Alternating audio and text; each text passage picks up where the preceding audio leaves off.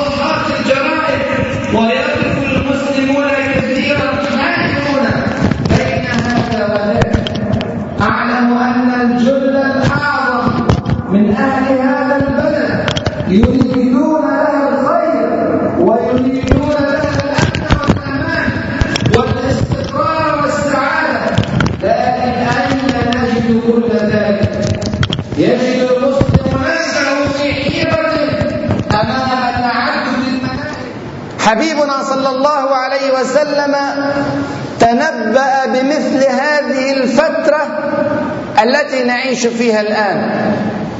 فذكر في حديث ثوبان رضي الله عنه وأرضاه إنه من يعش منكم فسيرى اختلافا كثيرا.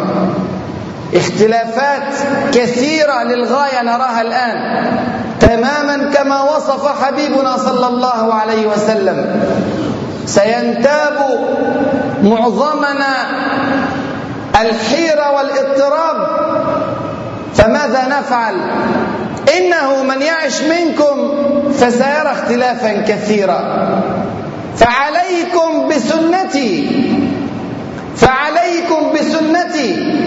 وسنة الخلفاء الراشدين المهديين من بعدي عضوا عليها بالنواجذ تمسكوا بها قدر ما استطعتم ستقاومون وستحاربون سيغيرون ويزيفون ويزورون لكنك لست معذورا في اتباع شرع الله عز وجل بل مأمور أن تتمسك به تمسكا كبيرا ولو أن تعض عليه بالنواجذ تعض عليه بأسنانك تتمسك به مهما سحبوه منك. إنما أنت مسلم متبع لأمر رسول الله صلى الله عليه وسلم. قل إن كنتم تحبون الله فاتبعوني يحببكم الله ويغفر لكم ذنوبكم والله غفور رحيم. عضوا عليها بالنواجذ. وما هي سنته صلى الله عليه وسلم؟ هي طريقته في الحياة هي منهجه في اختيار الأمور هي حكمه صلى الله الذي ينبغي أن ينزل على قلوبنا بردا وسلاما لا حيرة ولا اضطرابا ولا قلقا ولا خوفا إنما نأخذه بتسليم كامل ويقين جازم أن هذا هو الخير في دنيانا وأخرانا. فلا وربك لا يؤمنون حتى يحكموك فيما شجر بينهم ثم لا يجدوا في أنفسهم حرجا مما قضيت ويسلموا تسليما. هذه هي حالة المسلم المؤمن حقا الذي يسلم لله عز وجل تسليما كاملا. لا يجد في صدره حرجا من هذا الشرع الحكيم ومن هذا الدستور العظيم دستور الإسلام. والذي يختار غير ذلك يضل. قال صلى الله عليه وسلم في الحديث تركت فيكم ما إن تمسكتم به لن تضلوا بعدي أبدا. وانظر إلى هذا التأبيد في هذا الوضوح. لن لن يكون في المستقبل ولا في واقعكم أي ضلال. إذا تمسكتم بكتاب الله وسنة رسوله صلى الله عليه وسلم. ويعقب ذلك بكلمة أبدا حتى ينهي أي شك يراد يظنا أبدا أنه سيضل بعد اتباع شرع الله عز وجل. تركت فيكم ما إن تمسكتم به. لن تضلوا بعدي أبدا. كتاب الله وسنتي. لكل عمل كما يقول صلى الله عليه وسلم شرة ولكل شرة فترة. لكل عمل نشاط وهمة وعلو ولكل شرة فترة. تأتي بعد هذه الفترة أو بعد هذا العلو والنشاط تأتي لحظات فتور. ثم يعقب صلى الله عليه وسلم ويقول فمن كانت فترته إلى سنتي فقد اهتدى. ومن كانت فترته إلى غير ذلك فقد ضل. وانظر إليه وهو يقول من كانت فترته ولا يقول من كانت شرته. أنت في لحظات الفتور وفي لحظات الضعف وفي لحظات الكسل. ليس مسموحا لك أن تخالف سنة رسول الله صلى الله عليه وسلم. فكيف بك في حال النشاط؟ من كانت فترته إلى سنتي فقد اهتدى.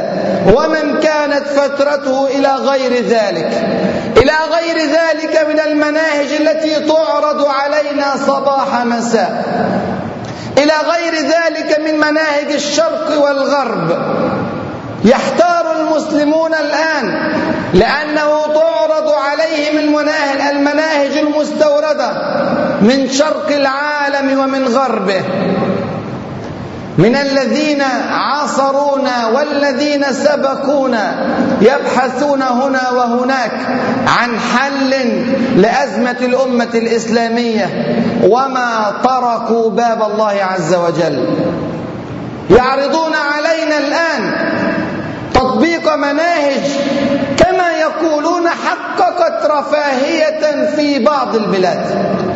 أو في كثير من البلاد وأعني بها على وجه التحديد مناهج العلمانية.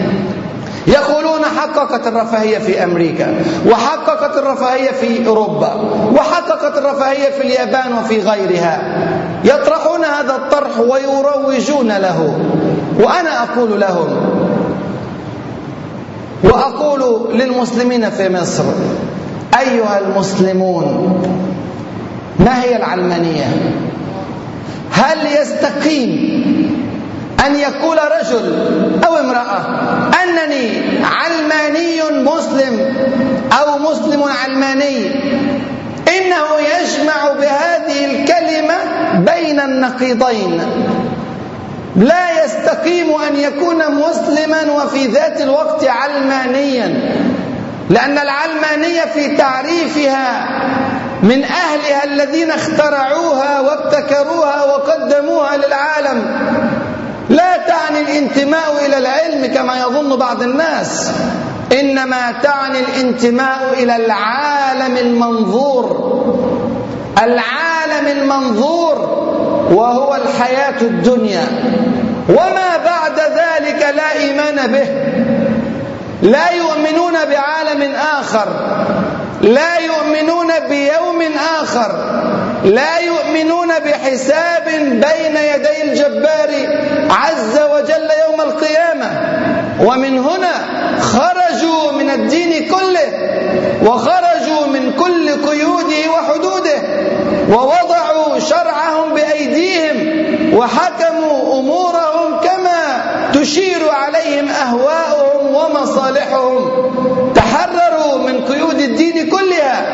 ومن ضوابط الدين كلها خرجوا من هذا الأمر بهذا الطرح فهل هذا يليق كطرح وحل لأمة الإسلام؟ وهل الذين ينادون بهذه العلمانية يدركون هذه الأمور؟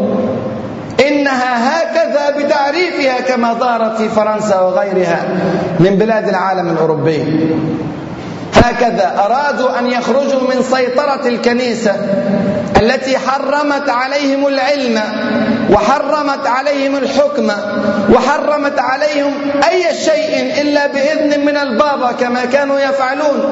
فأرادوا أن يخرجوا من سيطرته ومن حكمه ومن ظلمه ومن كيده.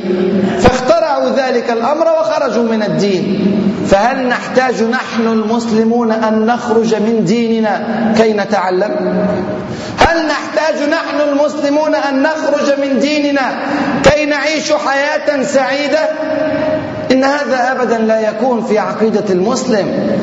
إن المسلم حقيقة هو الذي آمن بالله ربا وبالرسول صلى الله عليه وسلم رسولا. وبهذا الشرع الحكيم الإسلام دينا يحكم حياته.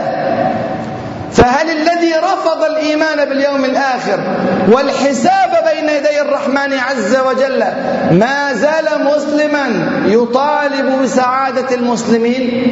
وإن قال أنا أؤمن أنني سأبعث وسأحاسب بين يدي الرحمن عز وجل فنقول له أتراه يحاسبك على منهج فرنسا أو على منهج أمريكا أو غيرها؟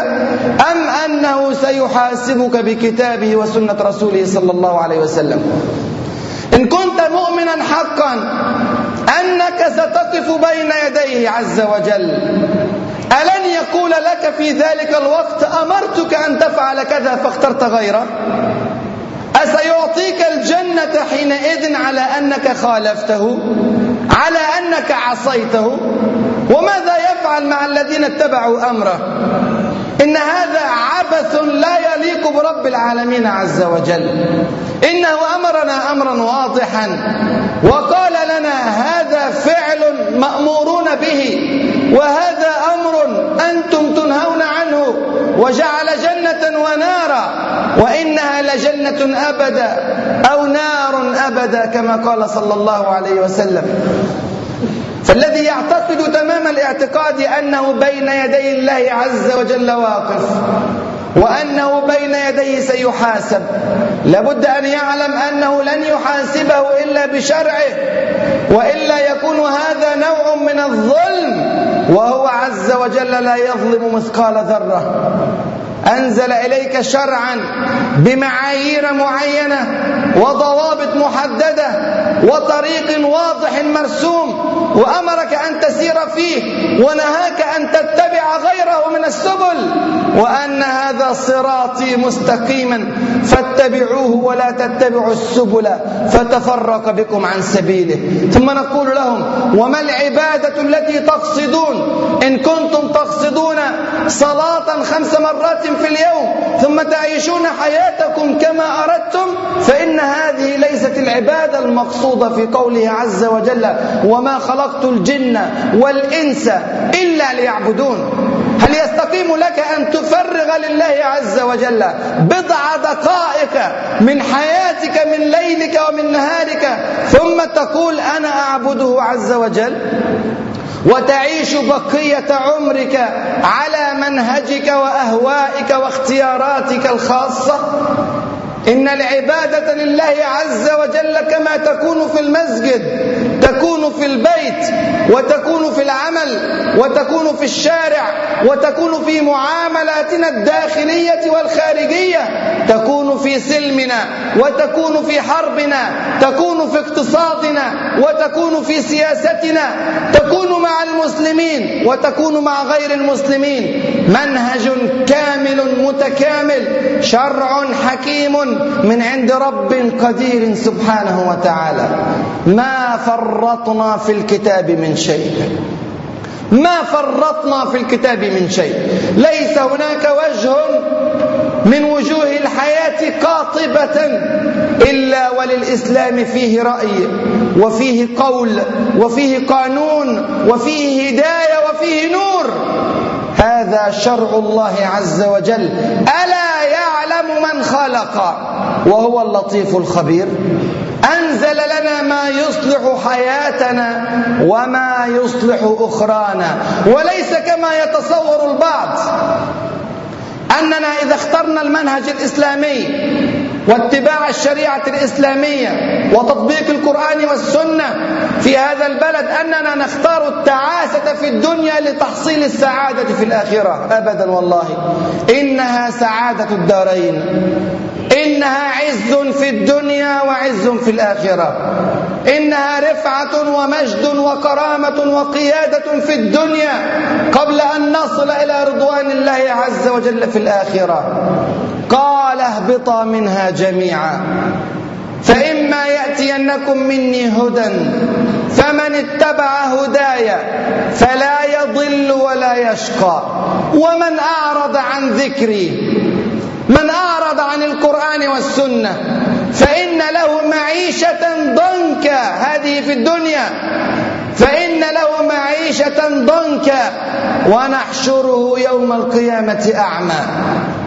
قال رب لم حشرتني أعمى وقد كنت بصيرا؟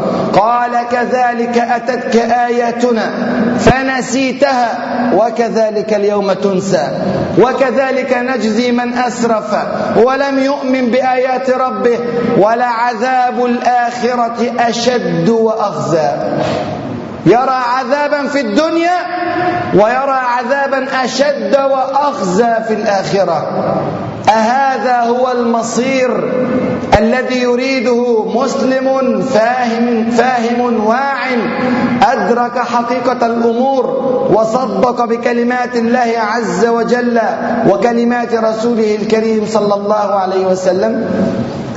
هل هذا كلام نظري يا إخواني؟ هل لم يتحقق للمسلمين سعادة في حياتهم الدنيا عندما طبقوا شرع الله عز وجل؟ أوهمونا كما زوروا وزيفوا وبدلوا وحرفوا في تاريخنا أن دولة الإسلام لم تقم إلا في حياة الحبيب صلى الله عليه وسلم وفي حياة الخليفتين أبو أبي بكر وعمر رضي الله عنهما. وكذبوا. وكذبوا. إنما أسعد الله عز وجل هذه الأمة بهذا الشرع الكريم على فترات طويلة جدا من حياتهم.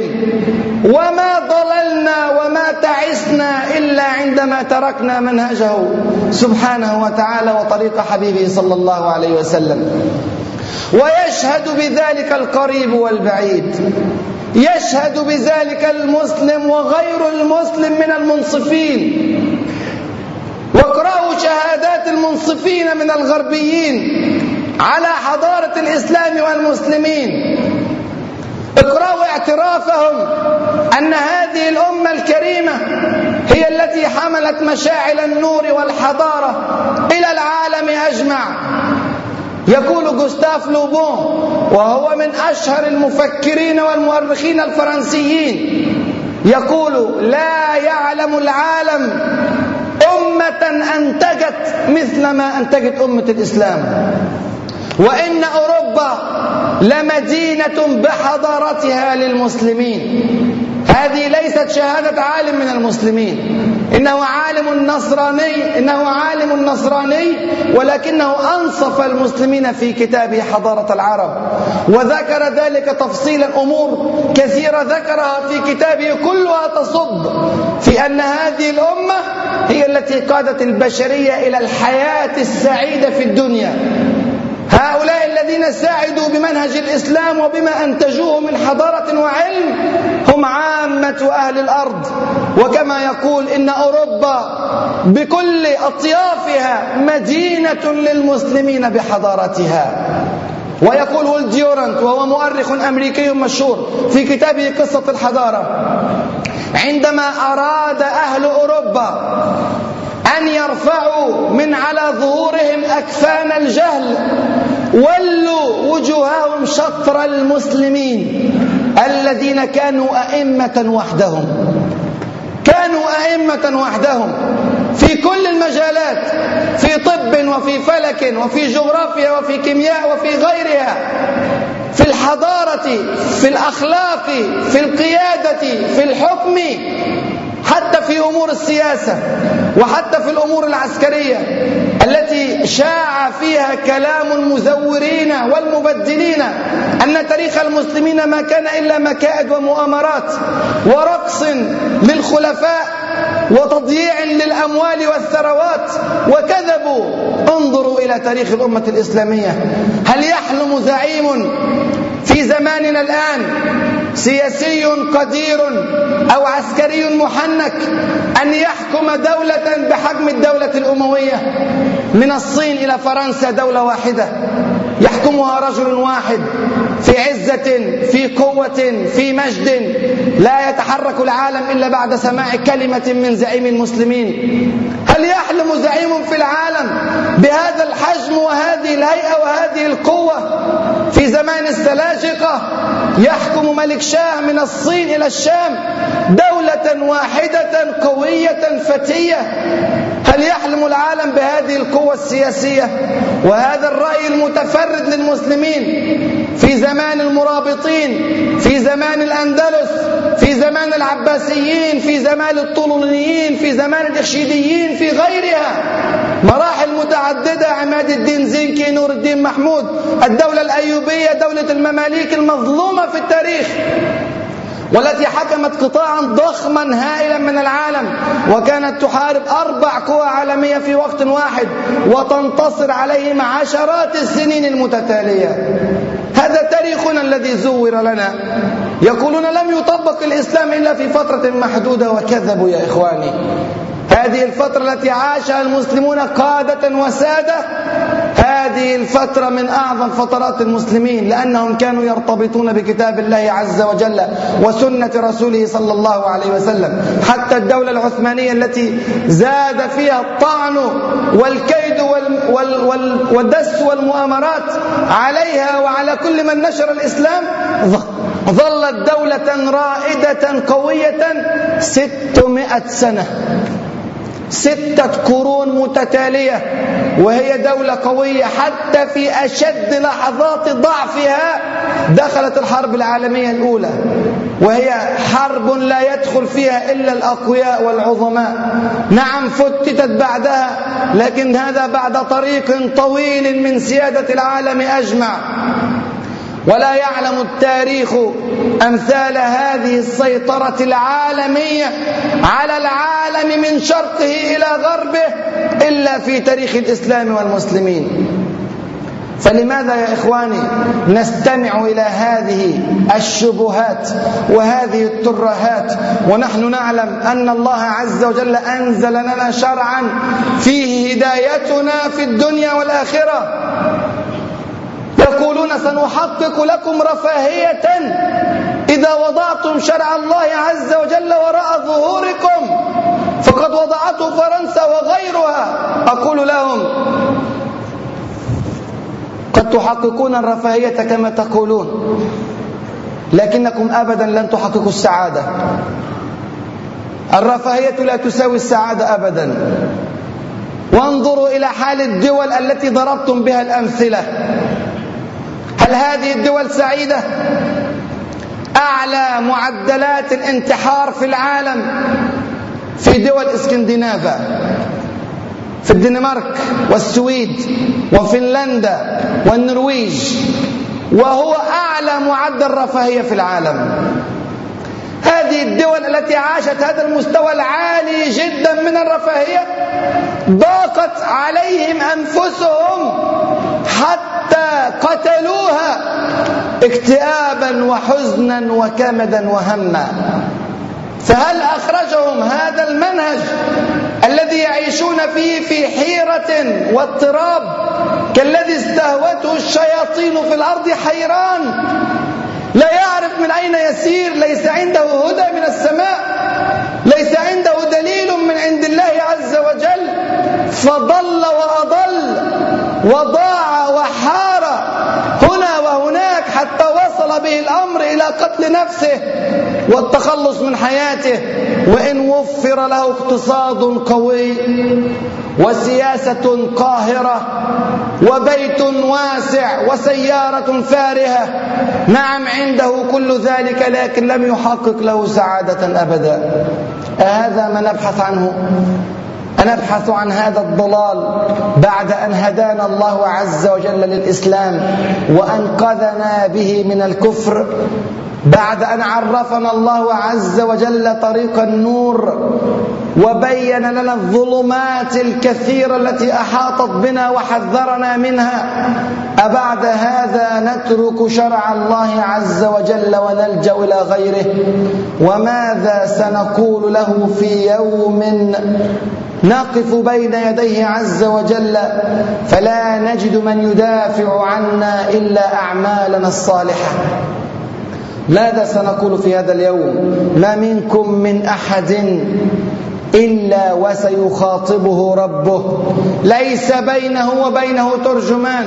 فينظر أيمن منه فلا يجد إلا ما قدم. وينظر أشأم منه فلا يجد إلا ما قدم. وينظر تلقاء وجهه فلا يجد إلا النار. فاتقوا النار ولو بشق تمرة. فاتقوا النار ولو بشق تمرة. أنتم الآن الذين ستحكمون هذا البلد باختياركم. أنتم الآن لستم مسيرون كما كنتم قبل ذلك. لا إرادة لكم ولا حكم لكم. إنما الآن أنتم الذين ستختارون.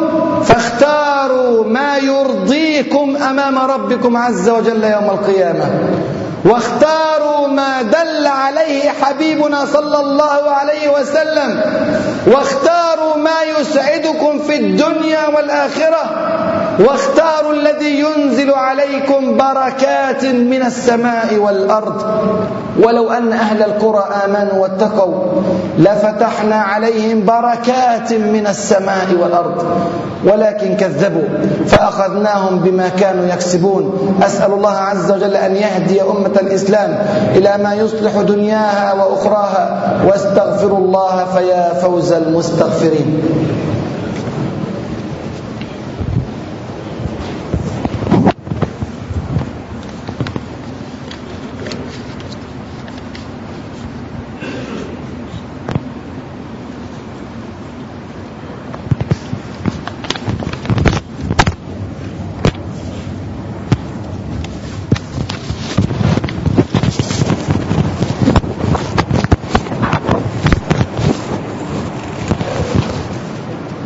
إن الحمد لله نحمده ونستعينه ونستغفره ونستهديه ونعوذ بالله من شرور أنفسنا ومن سيئات أعمالنا. إنه من يهده الله فلا مضل له ومن يضلل فلا هادي له. وأشهد أن لا إله إلا الله وحده لا شريك له. وأشهد أن محمدا عبده ورسوله. أما بعد يقولون أن هذا المنهج الإسلامي لا يصلح إلا للمسلمين. وبلادنا خليط بين المسلمين وغير المسلمين. ونقول لهم إن هذا الشرع الحكيم لم يترك شاردة ولا واردة ولا صغيرة ولا كبيرة إلا وفصل فيها. تنزيل من حكيم حميد. نقول لهم إن هذا الشرع الحكيم الرحيم لم ينزل إلا لسعادة البشر جميعا. هذا والله يسعد المسلمين وغير المسلمين. هذا خير للمسلمين ولغير المسلمين. وما وجد النصارى ولا اليهود عدلا ولا رحمة ولا أمنا ولا أمانا كما وجدوه في أمة الإسلام عندما حكمت بشرع الله عز وجل. وما وجدنا الظلم والضيم والقهر والاستبداد للمسلمين ولغير المسلمين إلا عندما خالفنا شرع الله عز وجل. كنتم خير أمة أخرجت للناس. لم نخرج للمسلمين فقط. إنما خيريتنا تعود إلى أننا نحمل الخير للناس جميعا. وما أرسلناك إلا رحمة للعالمين. للعالمين. لكل المسلمين ولكل غير المسلمين. قل يا أيها الناس إني رسول الله إليكم جميعا. رسالتنا عامة وأحكامنا عادلة وقوانيننا رحيمة مع المسلمين ومع غير المسلمين. في هذا الأمر تفصيل كبير لكن ليطمئن كل النصارى وكل اليهود. أي إنسان على وجه الأرض عاش في بلاد المسلمين أو عاش في غيرها في تعامله مع دولة الإسلام سيجد الرحمة والعدل والأمن والأمانة طالما أن الذين يحكمون يلتزمون بكتاب الله عز وجل وسنة رسوله صلى الله عليه وسلم. لن تجد في كتاب الله ثغرة. لن تجد في سنة الحبيب صلى الله عليه وسلم عيبا أو خللا. أبدا أبدا. هذا شرع محكم وهذه حجة الله البالغة. وهذا هو القانون الذي ارتضاه الله عز وجل لأهل الأرض إلى آخر أيام الدنيا. إلى آخر أيام الدنيا. وأهل الغرب والشرق عندما تضيق بهم السبل في أمور الاقتصاد أو السياسة أو غيرها يجدون في نهاية المطاف أن الحل والخروج من الأزمة بالعودة إلى شرع المسلمين وإن لم يؤمنوا به وإن لم يؤمنوا بالله عز وجل. إنما ينظرون إلى هذا الشرع وهذا القانون على أنه النجاة والمخرج من الأزمات. فنحن أولى بذلك يا إخواني والأدلة على ذلك متواترة وهائلة وكثيرة. وأمر آخر قبل الختام أنهم يقولون إن اخترت هذا المنهج الإسلامي وتطبيق الشرع الحكيم والكتاب والسنة فإنك تحزب أهل الأرض جميعا عليك. فهل لك طاقة بحربهم؟ أقول يا إخواني ومن أين يأتي النصر في اعتقاد المسلمين؟ من أين يأتي النصر؟ وما النصر إلا من عند الله. انظر إلى هذا الحصر الذي رأيناه في الآية. لا يأتي من سبيل آخر. لا يأتي من المعونات الأمريكية ولا يأتي من الاتحاد الأوروبي ولا من البنك الدولي ولا من هذا أو ذاك. إنما يأتي من عند الله عز وجل. أليس الله بكاف عبده؟ أليس الله انظر إلى الكلمات. أليس الله بكاف عبده؟ أتجد نفسك ضعيفا؟ إذا ارتكنت إلى الله عز وجل وارتكنوا هم إلى دولة كذا أو كذا. ألا تستحي أن تقول مثل هذا الكلام؟ أليس الله بكاف عبده ويخوفونك بالذين من دونه؟ ولم يذكرهم جهلهم لقلة شأنهم. الذين من دونه في أي زمن من الأزمان من هم؟ أيخرجون عن سلطان الله عز وجل؟ أيخرجون عن حكمه عن قدرته عن قوته عز وجل؟ ومن يضلل الله فما له من هاد. ومن يهدي الله فما له من مضل. أليس الله بعزيز؟ أليس الله بعزيز ذي انتقام؟ أيها المسلم اقرأ القرآن. تثبت من هذه الآيات وعش فيها. واعلم أنك ترتكن إلى ركن ركين إلى رب العالمين إلى ملك السماوات والأرض. سيخوفونك ويصعبون عليك الأمور ويزيفون لك التاريخ والواقع. عد إلى كتاب الله عز وجل تجد فيه الهدى وتجد فيه السبيل. وإن قالوا نأخذ بالأسباب فقل ليست أسباب المسلمين أن يخالفوا شرع ربهم عز وجل. إذا علمت أن النصر من عند الله فكيف أخالف أمر ربي عز وجل وأختار غير شرعي ثم أطلب النصر منه؟ إن هذا أبدا لا يكون لا ينصرك إلا إذا كنت على شرعه. إن تنصروا الله ينصركم. ونصر الله بتطبيق شرعه في كل صغيرة وكبيرة في حياتنا. أسأل الله عز وجل أن يهدينا جميعا إلى سواء الصراط. اللهم اقسم لنا من خشيتك ما تحول به بيننا وبين معصيتك ومن طاعتك ما تبلغنا به جنتك ومن اليقين ما تهون به علينا مصائب الدنيا. ومتعنا اللهم بأسماعنا وأبصارنا وقواتنا أبدا ما أبقيتنا. واجعله الوارث منا واجعل ثأرنا على من ظلمنا وانصرنا على من عادانا. ولا تجعل مصيبتنا في ديننا ولا تجعل الدنيا أكبر همنا ولا مبلغ علمنا ولا تجعل إلى النار مصيرنا واجعل الجنة هي دارنا ومستقرنا. اللهم يسر لهذه الأمة أمر رشد يعز فيه أهل الطاعة ويهدى فيه أهل المعصية. اللهم أذن لشرعك أن يسود ولدينك أن يحكم. واستعملنا لدينك وأمتنا على الشهادة في سبيلك. مقبلين غير مدبرين. في غير ضراء مضرة ولا فتنة مضلة.